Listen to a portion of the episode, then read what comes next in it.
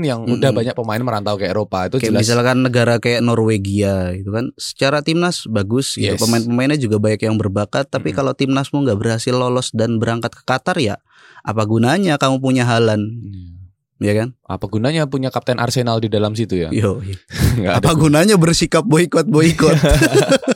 nggak nggak bisa, nggak ada impactnya. Kamu harus jadi Jerman dulu Iya, gitu, iya. baru tuh signifikan Iya, gitu. harus sikapmu. status quo dalam sepak bola Iya, dulu. Cuman jadi study club di kampus pengen langsung men- apa Revolusi. bersikap Julid, julid, julid. Etika Riz, tolong Riz. nggak apa-apa. Ada lucunya kan? Saya tidak so asik dong.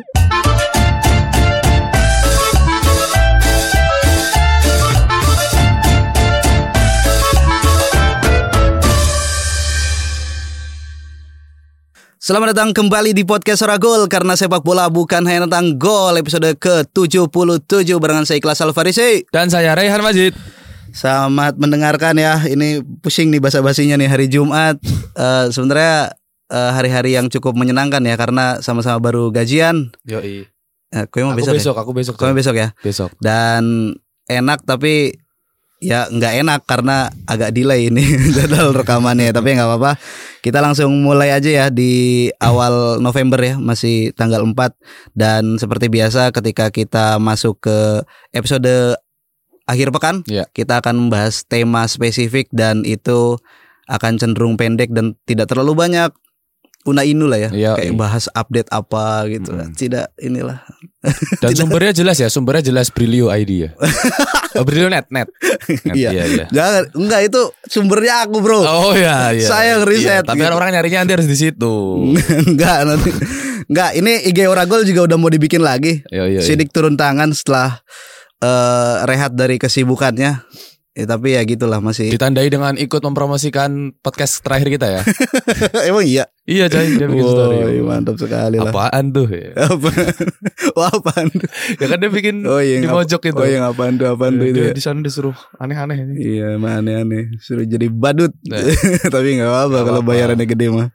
Oke, eh, lanjut aja. Kita pengen ngomongin eh, ini bakal judul podcastnya adalah berbakat bekerja keras tapi zero privilege gitu. Jadi refleksinya adalah eh, kamu nggak nggak sekonyong-konyongnya ketika kau punya bakat, ketika kau punya sebuah skill mumpuni dan juga mental petarung yang sangat tangguh, Bus. kamu tidak sekonyong-konyongnya langsung menembus top level Iya, apalagi untuk bermain di Piala Dunia gitu. iya, butuh lebih dari itu berarti ya. Betul, betul lebih dari itu. Kar- karena eh, Piala Dunia adalah sebuah turnamen yang dimainkan oleh pemain-pemain hebat mungkin ya. Oke. Tapi pemain-pemain hebat itu ya mewakili timnas-timnasnya di mana negara tersebut ya memang lolos gitu. Yo, Bagi pemain yang mungkin hebat tidak ada celah dalam permainannya, skillnya mumpuni, tapi mereka lahir di Burkina Faso gitu Waduh. nggak bisa. Karena pada akhirnya sepak bola itu permainan tim ya, 11 orang. Betul, yang di 11 lapangan. melawan 11 Iya.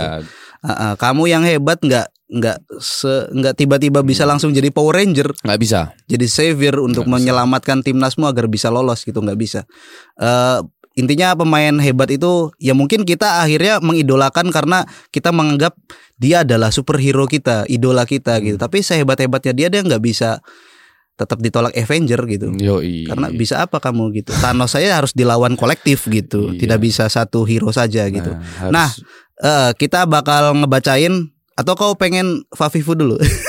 Jadi aku cuma mau highlight ini sih. Maksudnya eh kadang seperti itu ya. Kita kita dibuat mungkin miris ya ngelihat Hmm. beberapa pemain yang di level klub bisa sampai peaknya Ya. menjuarai berbagai macam titel, kemudian memenangkan berbagai penghargaan individu dan kemudian menjadi salah satu pemain yang dikategorikan sebagai legenda secara Mm-mm. spesifik di posisinya. Ya.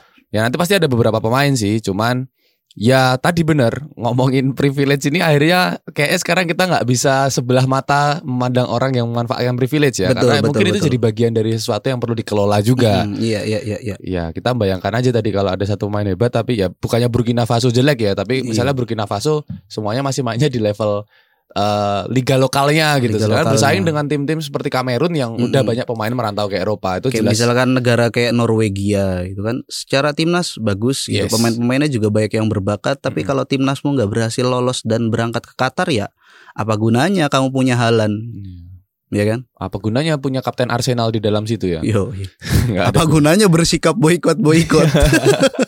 nggak nggak bisa, nggak ada impactnya. Kamu harus jadi Jerman dulu Iya, gitu, iya. baru tuh signifikan Iya, gitu. harus sikapmu. status quo dalam sepak bola Iya, dulu. Cuman jadi study club di kampus pengen langsung men- apa Revolusi. bersikap Julid, julid, julid. Etikamu Riz, tolong, Riz. nggak apa-apa. Ada lucunya kan? Saya tidak so asik dong. Fakta. Enggak, soalnya bahaya sekarang banyak polisi moral, coy. Oh gitu ya. Ada karma polis dan moral polis. sekarang. Waduh, ya tinggal ini aja. Ya sorry, saya tidak sedang menggunakan standar moralmu gitu. Bus. Kan moral banyak ya. Kayak kayak ini aja lah. Kayak Kayak kayak burju banyak. Iya, iya. Tinggal kue pengen makan nasi telur di burjo Ah. yang mana gitu. Ah tidak enak nasi telur di sana ya udah gitu. Karena pada akhirnya kan masalah moral, masalah akhlak, biar kami cari sendiri gitu. Kaget aku anjing. Kirain itu statement ori dari kue. Ternyata menyadur ini. Apa sih Bang namanya? Iwan. iya, itu itu liriknya Iwan Fals. Tapi Yoi. apa yang buat produksi lirik-lirik itu apa website apa namanya? Oh ini musik match. Musik match. Aduh anjing, anjing hari Jumat ini ya. Oke langsung aja kita akan membacakan 11 pemain dan ya dia adalah legenda sepak bola yang pensiun dalam keadaan tidak pernah mencicipi Piala Dunia. Nomor pertama Rehan Sikat. Oke, jadi pasti buat para pecinta sepak bola Spanyol terkhusus Real Madrid nggak asing dengan nama Alfredo Di Stefano ya. Betul. Seorang legenda yang namanya masih terus diuluh-uluhkan publik Santiago Bernabeu ternyata merupakan salah satu pemain yang nggak pernah main di Piala Dunia. Kehebatannya padahal disandingkan dengan legenda macam Ferenc Puskas, Franz Beckenbauer, Pele, bahkan Lionel Messi. Kok Ronaldo nggak ada? Nggak apa-apa. Semasa karirnya, Stefano adalah pemain yang cukup vital dan penting di Real Madrid. Itu sekitar era 1950-an. Dirinya mencetak 216 gol hanya dalam 282 pertandingan. Dia adalah pencetak gol terbanyak ke-6 dalam sejarah La Liga. Impresif, tapi lagi-lagi dia nggak pernah main di Piala Dunia kayak gitu coy. Iya iya kasihan ya. Padahal Spanyol ya. Iya, karena Dia Argentina dulu apa Spanyol? Dia kan ini kan kayak ya masa-masa itu masa-masa fleksibel lah. Kamu mau jadi warga negara apa gitu ya. masa-masa nomaden ya. Masa-masa nomaden. Soalnya kalau aku lihat dari yang eh, tulisan artikel soal MU itu, Iya. aku juga baru tahu Steve Bruce itu ternyata nggak pernah main buat timnas Inggris. Betul betul. Berarti kadang bukan perkara negaramu bapuk juga, tapi ya siapa tahu kamu kalah bersaing aja gitu. kalah bersaing atau ya tidak kunjung mendapat pengakuan gitu. Iya. Karena kan ya di satu negara kan ada sub-sub sub-sub apa sih namanya kafilah gitu loh. Iya, Iya. kayak bawa pedang. iya kayak kayak misalkan di Liga Inggris misalkan ada white apa sih namanya yang Oh. yang lebih mementingkan pemain-pemain Oke. Inggris. Kenapa misalkan Maguire itu terus-terusan gitu ya. dimainin Oke, gitu. oke. Home ground player gitu. Nation pride gitu, Ah, gitu ya. di di Barcelona juga harus ada pemain Catalunyanya gitu. Hmm. Di Persib Bandung itu harus ada orang Bandungnya Hmm. gitu. Oh, gitu ya. Heeh. Iya itu itu privilege juga tuh ya. Iya maksudku Oh ya nggak tahu ya itu kultur itu tuh di mindsetnya latar belakangnya kayak gimana gitu. Hmm. Cuman ya karena sudah kadung terdistraksi sama yang namanya pride gitu. Apa namanya klub ini juga mewakili eh, kultur A, kultur B, budaya A, budaya B, politik A, politik B. Jadi harus ada nih simbolnya gitu. apalagi Anjing. Atletik Bilbao itu ya. Atletik Bilbao gitu kan. Wah. Unai Simon kalau misalkan nggak dipanggil sama Enrique berangkat ke Qatar, ya kayaknya ini deh mereka referendum. Iya, iya. Protes masyarakat. Ngapain nih gitu. Yo, Ya di nomor dua ada mutiara dari benua Afrika. Ush. Ada George Weah Yo, yang sekarang menjabat sebagai orang nomor satu di Liberia. Mr. Presiden. Mr. President, Honorable Mr. President. Dirinya pernah menjadi pemain terbaik atau menyandang gelar Ballon d'Or pada 95 dan menjadi satu-satunya pemain Afrika sampai saat ini yang berhasil mencapai gelar tersebut. Wow. Kalau ada teman-teman yang Milanisti pasti oh George Weah nih George Weah di tahun 95 itu sangat sangat melegenda ya. Mm-mm. Dirinya walaupun sebegitu hebatnya dianggap sebagai ya pemain Afrika terhebat sepanjang sejarah, ya tetap aja nggak bisa mencicipi Piala Dunia karena Karena Liberia. karena Liberia. Ya Ah. itu ya ini ini kalau ini mungkin kita bisa ya tadi ngelihat bahwasanya eh George Weah bisa jadi bukan punya privilege bisa ke Eropa, tapi Ya. ya, mungkin ya kebetulan dia tapi nggak ada kebetulan sih ya. ya nggak ada. Kita nggak bisa milih juga Iya sih, kita mau dilahirin di mana gitu. iya. Ya aku mikirnya mungkin pada saat itu 1995 lah di aktif-aktifnya dia, Mm. mungkin pemain sepak bola yang paling dikenal di negara itu ya cuma George Weah. Iya iya iya. yang iya. lainnya ya udah main di Iya. liga-liga lokal. Makanya setelah pensiun masuk akal ya ketika dia setelah pensiun ngapain ya aku? Mm-mm. Aku ingin menjadi duta UEFA. Atau menjadi orang FIFA? Ya, ya. Enggak lah, nyalon presiden aja gitu. Awalnya pengennya presiden federasi sepak bolanya aja mungkin. Oh mungkin ya. Tapi kok elektabilitasnya aura-auran nih gitu. Sekalian lah. Sekalian aja. Jadi. Karena karena otomatis nggak ada saingan tuh. Bakal jadi jadi orang yang paling populer, Bro. Aklamasi pasti. Akla nggak aklamasi juga. Nggak aklamasi juga. Jadi tahun 2013 sampai 2014 dia sempat nyalon. Cuman kalah Oh, oh ini percobaan keduanya ya. di 2016. Oke. Nah, pemilu inilah pemilu. Jadi pas dia kalah itu eh, lawan politiknya itu punya manuver bahwa ya Weah cuman mengandalkan popularitasnya aja. Dia secara pendidikan nggak mumpuni gitu. Terus ngapain gitu? Oke. Mending bikin akademi sepak bola aja kalau daripada mimpin negara gitu. Manuver lawan politik gitu. Tapi akhirnya dia Membuktikan. ya? membuktikan pergi ke Amerika, Oh, kuliah, belajar. kuliah, belajar. Wah. Setelah lulus datang lagi jadi aktivis. Gokil. Oh, iya. Banyak kampanye terkait isu-isu sosial di Liberia gitu. Memang Akhirnya konkret gitu kan. jalur aktivisme jadi salah satu yang menjanjikan juga ya. Menjanjikan di Liberia tapi. Gak di Liberia di Iya. sini nggak bisa. Oke, selanjutnya ada ini The King of Old Trafford, Eric Cantona. Jadi seperti kita tahu Cantona jadi salah satu bagian penting pada era-era awal kepelatihan Alex Ferguson. Ya, ya. Jadi pemain yang sangat cult, dicintai oleh supporternya, Yoi. tapi eh, dia betul-betul nggak pernah tampil di Piala Dunia. Mm. Ya kita bisa lihat lah sebagai apa bagaimana istimewanya dia di Manchester United memenangkan empat gelar Liga Utama dan dua Piala FA. Itu tuh udah Liga Inggris eh, belum udah Liga Primer bukan sih? Belum ya? Kan 1991 kan, Riz? Oh iya udah udah udah Liga Primer berarti ya. Udah, udah, udah. Berarti dia adalah pelopor Pelopor. memenangkan Mm-mm. Liga Primer. Apalagi dia pindah dari Leeds kan. Wuh, Yo, bagus dari banget. Yorkshire dia pindah langsung juara sama United. Mantap. Tapi meski sudah melakukan 45 penampilan bersama timnas Prancis, ternyata tak satu pun dari semua penampilan itu tercatatkan di Piala Dunia gitu. Iya iya iya iya. Ya tapi saat itu juga bisa dibilang Eric Cantona lahir di negara yang tepat tapi di era yang tidak tepat. mungkin. Iya, iya, Dia berbarengan dengan banyak striker-striker yang gak Iya, kalah iya, hebat iya, juga iya, iya. gitu. Dia pas pindah ke MU dan mampu membesarkan klub itu ya pas udah di top levelnya, top picknya ya secara usia. Iya, iya, iya. Akhirnya pas 98 yang Prancis jadi juara gitu ya Eric Cantona udah abang-abangan yang Iya. waduh udah, Udah. sulit nih bro. Another generation itu. Another generation ya. Itu mulai generasi-generasi imigran-imigran itu mungkin ya. Sorry, eh, Eric Cantona itu posisinya apa? Striker apa Dia- apa for apa winger atau Dia pro pro profil eh, Profilik, Ah, ah. prolific apa? Prolific bisa di beberapa posisi sebetulnya. Beberapa posisi ya. Tapi posisi-posisi itu sudah diambil semua oleh Iya. Zinedine Zidane, Emmanuel Petit. ya orang-orang itulah. Iya iya iya. Ya udah, akhirnya nggak kebagian slot. gitu. Iya iya iya. Akhirnya nendang supporter kan dia. Frustasi. itu di penghujung karir ya di, Iya, di di ini. Habis itu nggak lama dia cabut. Eric Cantona yang gayanya ditiru oleh Pasha Ungu. Kerahnya naik pokoknya. Kiranya naik pokoknya. Yoi. Yoi. dia ngegolin dia kan gayanya nggak terlalu banyak selebrasi kan. Iya. Cold. Petantang tenteng. Petantang tenteng kan. Hmm.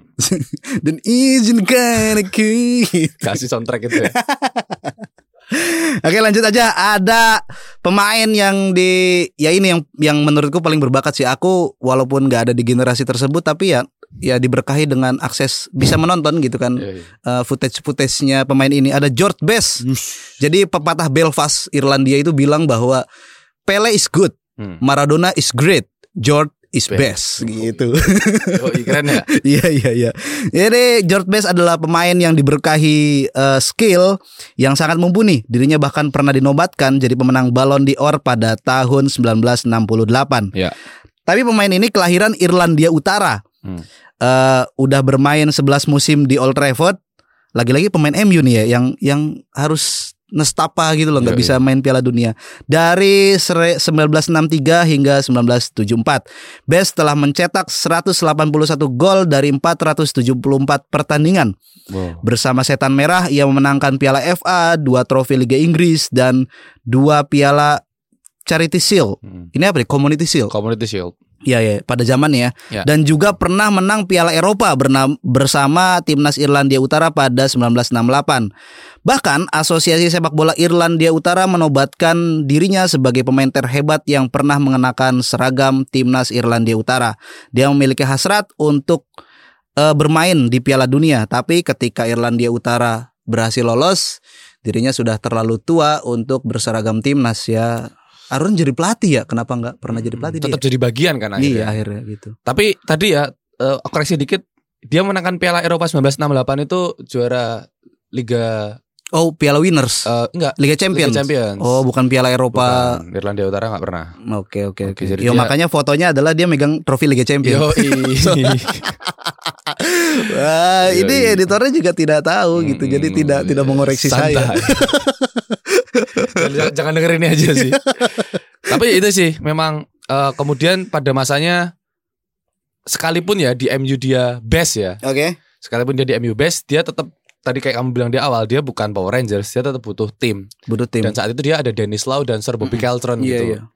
United Trinity kalau nggak salah. Wah gokil Pokoknya bro. bertiga itu ya. Iya, iya, Akhirnya iya. apa pun ceritanya baik di level klub maupun di level negara, Heeh, sekalipun kamu jago, ya kamu tetap butuh teammates yang Iya, juga iya, bisa iya. main bola. Apalagi dia eh Irlandia Utara tuh yang yang selek sama Britania apa enggak sih?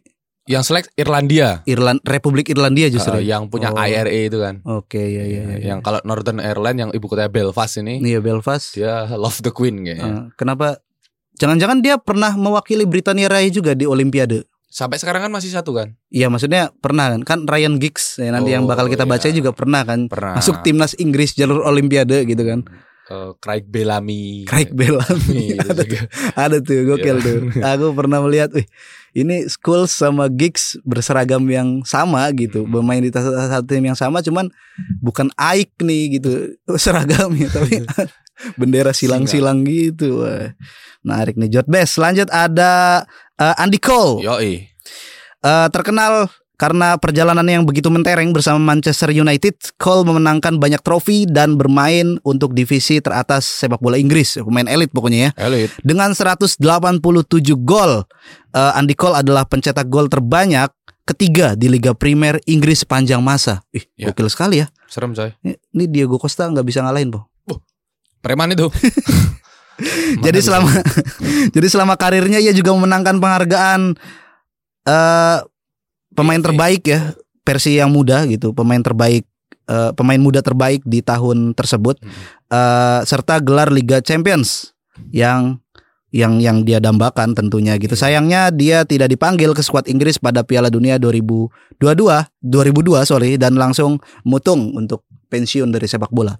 Ya, jadi Andy Cole ini salah satu striker terbaik Inggris. Dia main di top flight itu nggak cuma sama MU tapi setahu aku sama Blackburn Rovers sama Newcastle. Ya, bareng Alan Shearer gitu. Eh, bahkan City ya dia. City ya. Pernah kalau nggak salah. Mm-mm. Dan dia terkenal dengan duetnya bersama Dwight York ya berdua di depan dan jadi bagian tim treble winners winnersnya MU tahun 99. Ya. Tapi ya itu tadi aku bayangkan saat itu striker kayak yang dibawa 2002 itu siapa ya Riz ya? Emil Heskey. Jermaine Defoe. Enggak, coy, Enggak, enggak. belum. Jermaine Teddy Defoe Sheringham. 2006 ya. Oh Teddy Sheringham masih ya. Iya, iya, iya, itu orang-orang itulah. Heeh, iya iya iya. Eh, ya udah kehabisan slot. Alan Shearer benar. Alan Shearer, ya, dan ya. ya ketutup sebetulnya aku ngerasanya. Andy. Cole tuh ketutup jago, cuman ketutup Alan Shearer yang sebetulnya Iya, nggak iya. menangin apa-apa. Iya iya iya. Dia iya. menang satu Liga Inggris sama Blackburn, tapi ya Hmm. udah itu aja. Iya iya iya. Ini Andy Cole Andy Cole ini Andy Carroll. Andy Andy Cole ini modelnya kayak mahasiswa yang eh, kayak mahasiswa yang lagi nunggu ngelamar ke banyak tempat ya gitu. Hmm. Ini aku di lama apa dipanggil tinggal timnas Inggris gak nih? Kalau enggak aku bakal LPDP gitu. Enggak lah, potong aja anjing bangsat. Lanjut lanjut. Oke, lalu selanjutnya ada nama wah ini ini ini ini ini. The Wales Wizard ini. Nah, namanya Ryan Giggs. Abang-abangan kita. Yoi, oh, orang salah satu bagian dari Class of 92, oh, salah satu graduasi dari akademi sepak bola paling terkenal di dunia. Jadi sebagai seorang pemain, Ryan Giggs telah menangkan rekor terbanyak untuk memenangkan sebuah Liga Inggris ya, 13 kali. Ryan Giggs adalah bagian dari setiap tim Manchester United yang memenangkan gelar di era Liga Primer. Bahkan terakhir kali MU juara Liga Primer itu masih ada Ryan Giggs. Gokil ya. Sekarang udah nggak ada dan belum pernah juara. Kayak perlu main lagi Ryan Giggs. Kayak Schools kan pernah turun Iya, gunung gitu kan. iya. Pernah turun gunung. Iya. Waduh. Selain itu Giggs juga memenangkan 4 piala FA, 3 piala Liga, 9 Community Shield, 2 gelar Liga Champions, 1 piala Interkontinental, 1 piala Super UEFA dan 1 kali piala dunia antar klub. Dia punya rekor 963 kali penampilan dan mencetak 168 gol Only for MU. only for Manchester United. Giggs adalah pemain yang tidak punya kekurangan bagi Manchester Merah. Jikapun ada, itu adalah negara asal Giggs, yakni Wales, yang nggak pernah berhasil lolos Piala Dunia. Dan akhirnya setelah sekian lama baru lolos 2022 Iya ya. iya iya iya iya. Wah serem sih itu. eh karena aku membayangkan saat itu aja, kalau kamu cari-cari Riz di Google, Ya. Wales zamannya Ryan Giggs itu jersey-nya masih kayak jersey futsal coy. Jelek coy. Kelihatan gitu loh, emang tidak didesain untuk tampil di panggung yang besar gitu. Iya, Jadi iya. Ala kadar Biasa aja. Ya, lihat. Makanya klubnya kayak Swansea gitu numpang di Premier League juga ya. Iya, Swansea, Eh, Cardiff. Cardiff Iya. ya. Berbondong-bondong Ya, Wales. merantau semua itu nggak cuma pemainnya, klubnya pun merantau. Ya kayaknya nggak nggak terlalu signifikan juga ya. Hmm. Jadi sebagai negara, "Ya udahlah kita mah dipasok juga sama the Great Britain Gak gitu. usah macem-macem udah ya. Sana aja udah. Gak usah ngide. Iya, kita hidup damai aja di sini lah nggak usah wah gimana kan banyak negara-negara yang punya eh, visi di berbagai bidang gitu kan ya apa salah satu alasannya gara-gara ya dia pengen dipandang dia pengen diakui gitu sebagai negara ya negara yang punya inilah gitu prestasi di mana gitu Indonesia di badminton gitu kan pemain-pemainnya jadi apa badminton Hall of Fame Wah, gitu kan Iya sih. gitu ya em- a- harus unjuk gigi biar dapat pengakuan Wales ngapain gitu Tapi pada akhirnya Wales juga harus berterima kasih atas mungkin ya atas keterbukaan akses di bagian Britania Raya itu karena Hmm. itu membuat banyak pemain Wales punya kesempatan manggung di Premier League iya iya dan kemudian membawa mereka ke UEFA Champions Iya, League iya. atau Europa League dan kemudian bikin mereka punya tim yang Iya. akhirnya punya pengalaman main di Iya. pentas-pentas Liga Eropa. Ah. Salah satunya paling terkenal ya Gareth Bale ya pasca Ah. Ryan Giggs. kalau nonton film-film kolosal Britania Raya zaman dulu gitu loh, abad-abad 15 Hmm. gitu. Enggak enggak 15 lah, sebelumnya gitu. Wales tuh kayak suku Baduynya Britania Raya gitu loh. Jadi, wah hingar-bingar kota apa pas nyebrang anjing masih kayak gitu.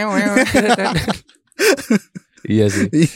Logo benderanya aja naga gitu kan. Masih kayak dinasti-dinasti zaman dulu anjing.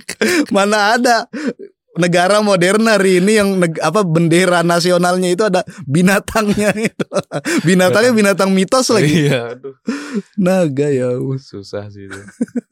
Tapi ya apa pun ceritanya sekarang mereka mentas di Piala Dunia ya. Ya ya ya kita lihat nih. Katanya mereka nggak sekadar apa Gareth Bale FC. Oke. Iya iya iya. Walaupun Gareth Bale Gareth Bale juga udah ada di penghujung karir ya. Udah mulai nggak serius main Udah bolanya. Kebanyakan main golf sekarang. Iya iya.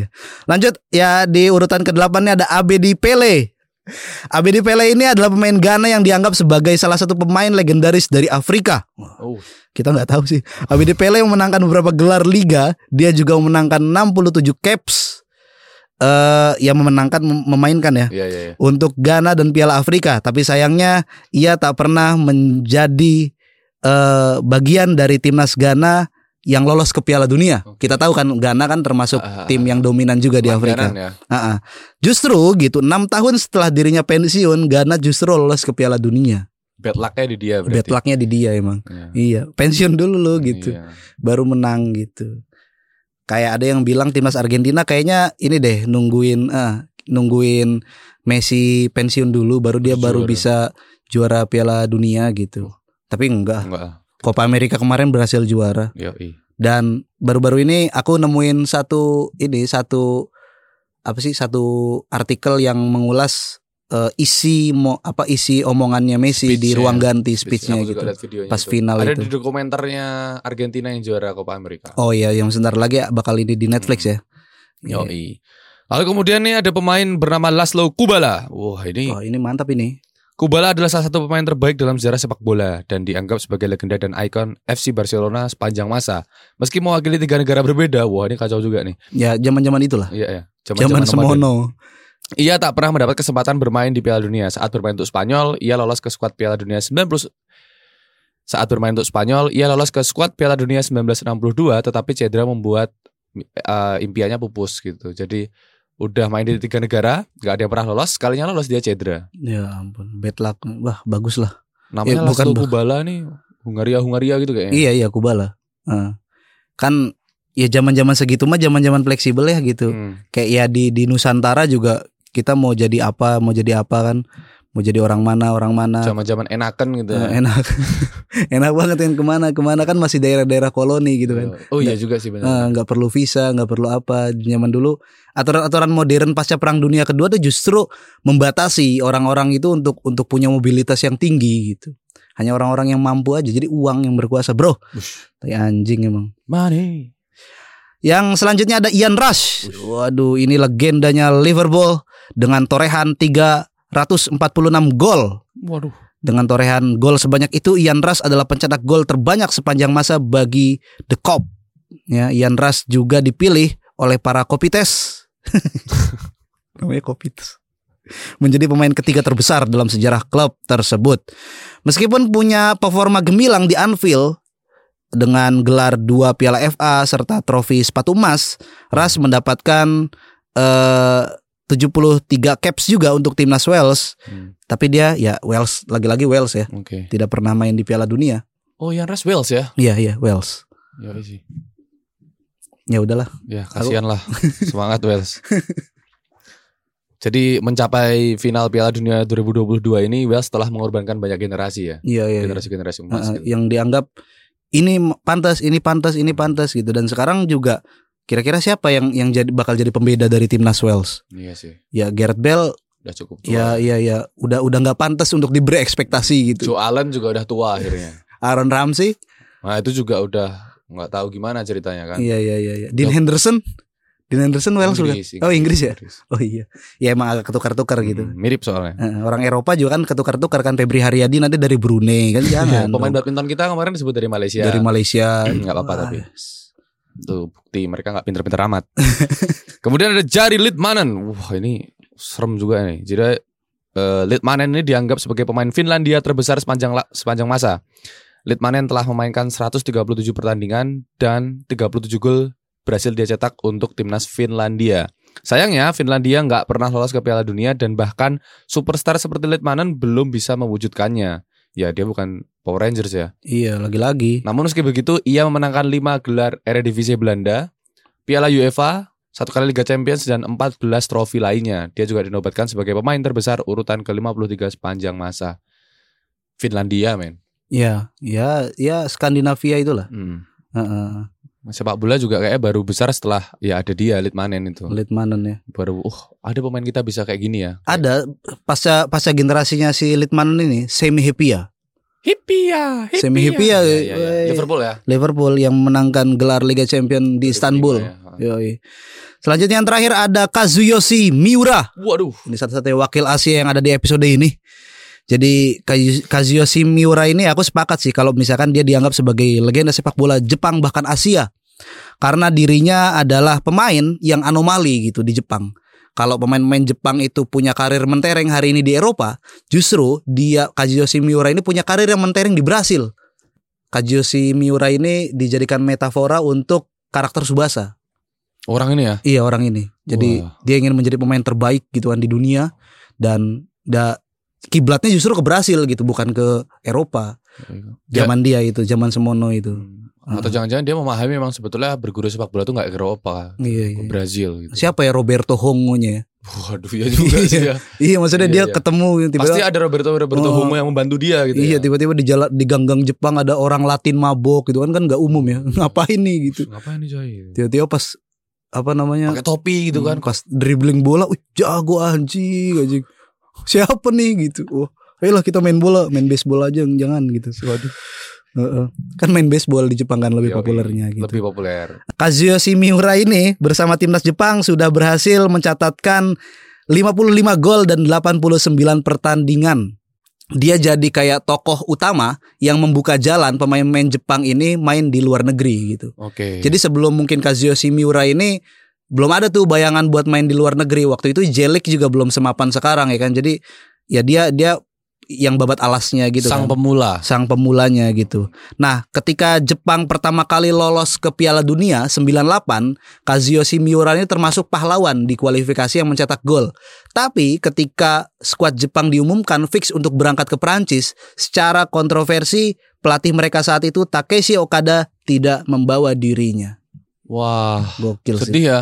Sedih sedih Ya sedih. pemain berjuluk King Kazu ini kan juga dikenal sebagai pemain tertua yang masih aktif main Betul. di sepak bola ya. sedih. 55 tahun Gokil coy. masih main. Dia masih nungguin dipanggil Piala Dunia tuh coy. Makanya nggak pensiun. Wah anjing. Bayangin tuh.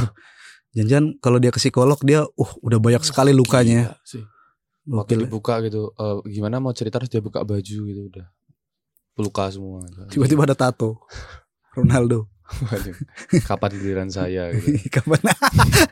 Why always me? Why always me gitu. Tapi ya apa pun ceritanya pemain-pemain ta- barusan tadi kan memang di di level negara mungkin nggak nggak nggak punya kesempatan ya. Tapi Mm. impactnya macam-macam ya. Macam-macam. Baik di klub maupun sang pemula ini ya Iya, untuk iya, sepak iya. bola Iya, Jepang. iya. Makanya, Kazu. Eh, makanya dibilang sebagai legenda gitu kan. Yoi. Heeh, dan ya bakal dia akhirnya punya nilai, punya value-nya sendiri gitu loh sebagai Hmm. seorang pesepak bola.